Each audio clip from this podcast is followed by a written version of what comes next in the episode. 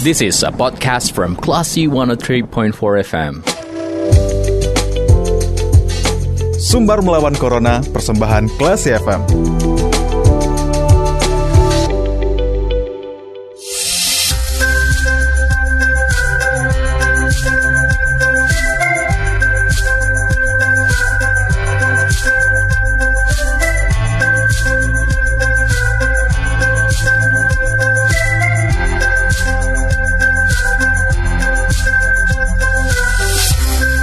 103,4 Klasi FM bersama kita lawan Corona. Klasi People, saatnya Anda mencermati obrolan seputar perkembangan COVID-19 di Sumatera Barat yang dikemas dalam program Sumber Melawan Corona bersama saya, Bimo Alvaro. Klasi People, beberapa waktu yang lalu uh, ada kebijakan baru ya terkait dengan kewajiban tes COVID-19 dengan menggunakan metode Polymerase Chain Reaction atau PCR bagi penumpang pesawat udara dinilai memberatkan masyarakat. Para pengusaha dan juga Dewan Perwakilan Rakyat atau DPR juga meminta agar aturan tersebut dievaluasi. Nah, kewajiban tes PCR ini kelas people bagi penumpang pesawat yang hendak ke daerah pemberlakuan pembatasan kegiatan masyarakat atau PPKM level 3 dan level 4 itu berlaku mulai tanggal 24 Oktober 2021. Nah, untuk berbicara seputar tentang kebijakan ini, kita sudah tersambung dengan Bapak Devriman Jafri selaku epidemiolog Universitas Andalas. Langsung kita sapa. Assalamualaikum Bapak, selamat sore. Waalaikumsalam ya, selamat sore Wimo, kasih Wipo, semuanya di mana pun berada, salam sehat buat kita semua. Baik, salam sehat juga Bapak.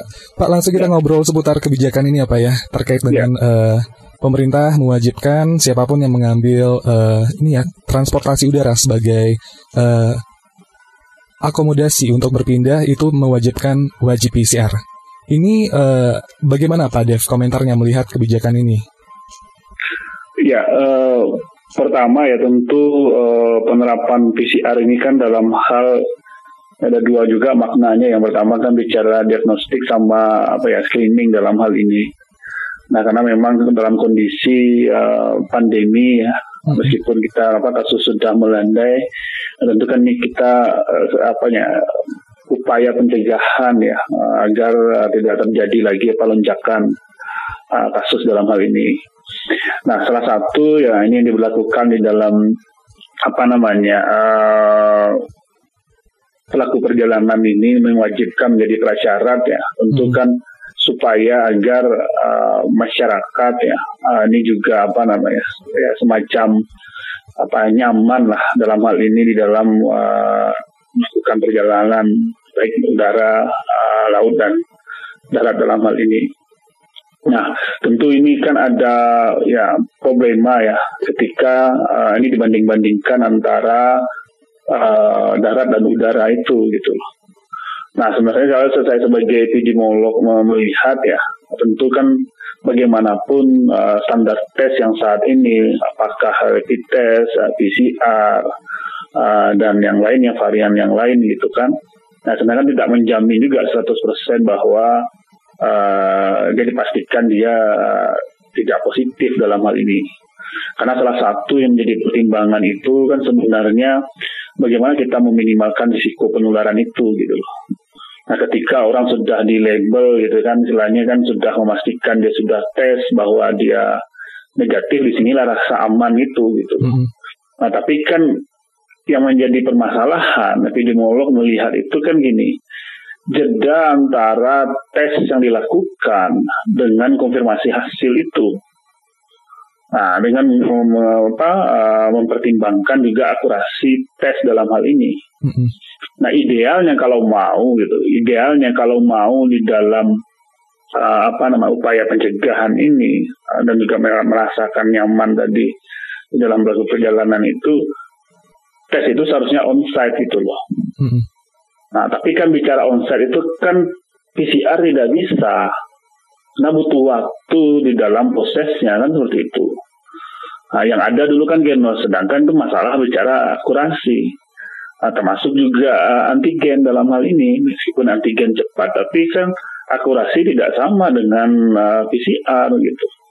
Jadi idealnya itu memang bagaimana menghasilkan tes yang cepat gitu kan, hmm. uh, tapi akurasinya juga tinggi gitu. Makanya saya juga heran kok dulu ketika pas kasus COVID uh, tinggi itu kita tahu bahwa untuk mendapatkan hasil PCR tidak uh, secepat ini, tapi itu saya melihat ada beberapa itu malah cepat, ada yang tiga jam. Saya juga heran apa itu benar PCR atau tidak. Hmm. Jadi ini perlu juga menjadi pertimbangan juga. Jangan-jangan ini hanya PCR untuk perjalanan, bukan PCR untuk mendiagnostik di dalam uh, COVID sendiri gitu loh.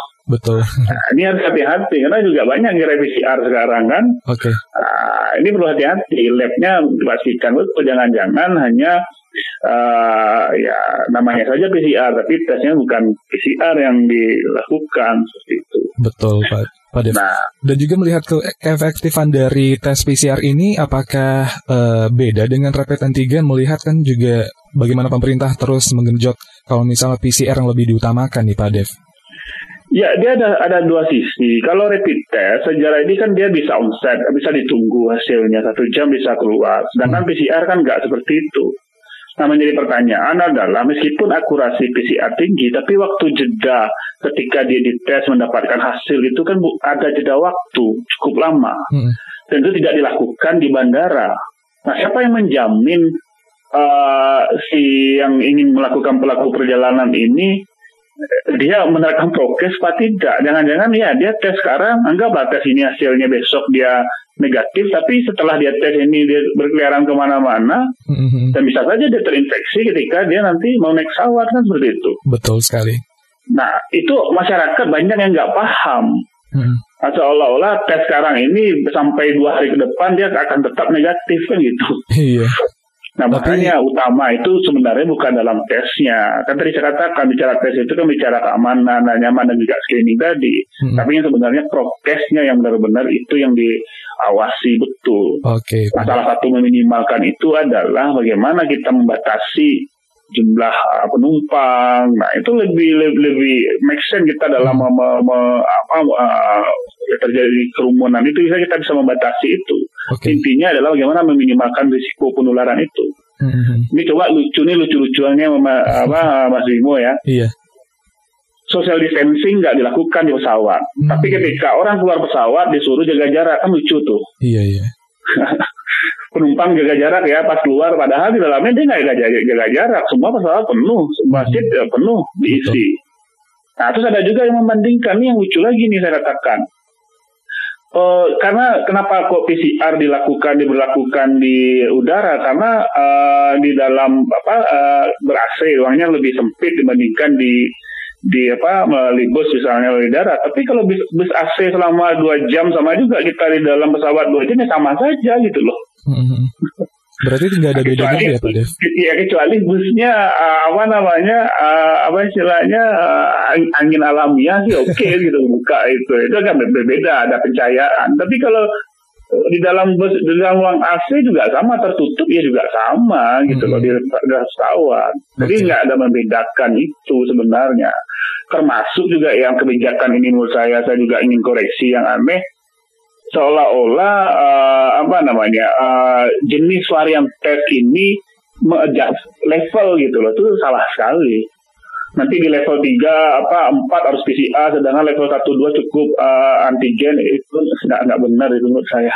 Oke, okay, Nggak ada logikanya nggak ada dalam uh, pengendalian nggak ada logika itu gitu.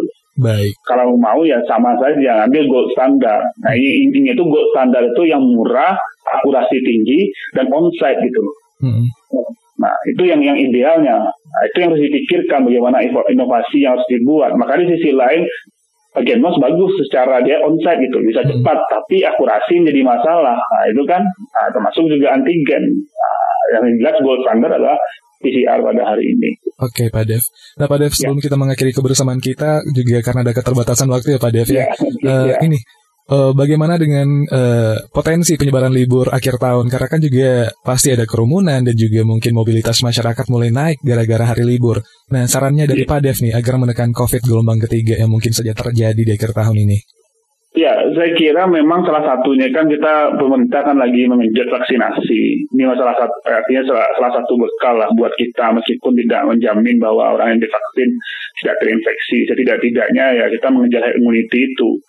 Yang kedua adalah pembatasan di dalam uh, perjalanan itu ya uh, agar memang hati-hati betul jangan nanti ya belajarlah dari tahun lalu bagaimana lonjakan kasus di akhir tahun ada ada event-event tertentu. Mm-hmm. Nah kalau masyarakat cerdas ya tentu hal ini tetaplah menjalankan prokes itu dengan ketat uh, meskipun kasus melandai tapi kan pandemi ini tetap juga uh, yang menghantui ya menjadi ancaman varian-varian ke depan. Saya kira itu Mas Imo. Oke Pak Dev. Ya. Baik Pak Dev, terima kasih waktunya di sore ya. hari ini Pak Dev.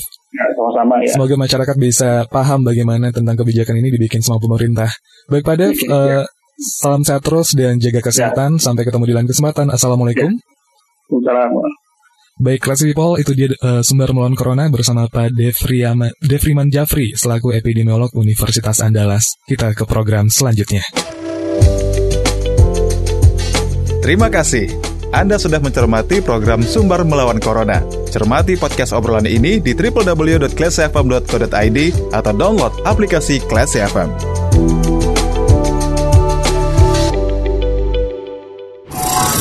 This is a podcast from Classy 103.4 FM.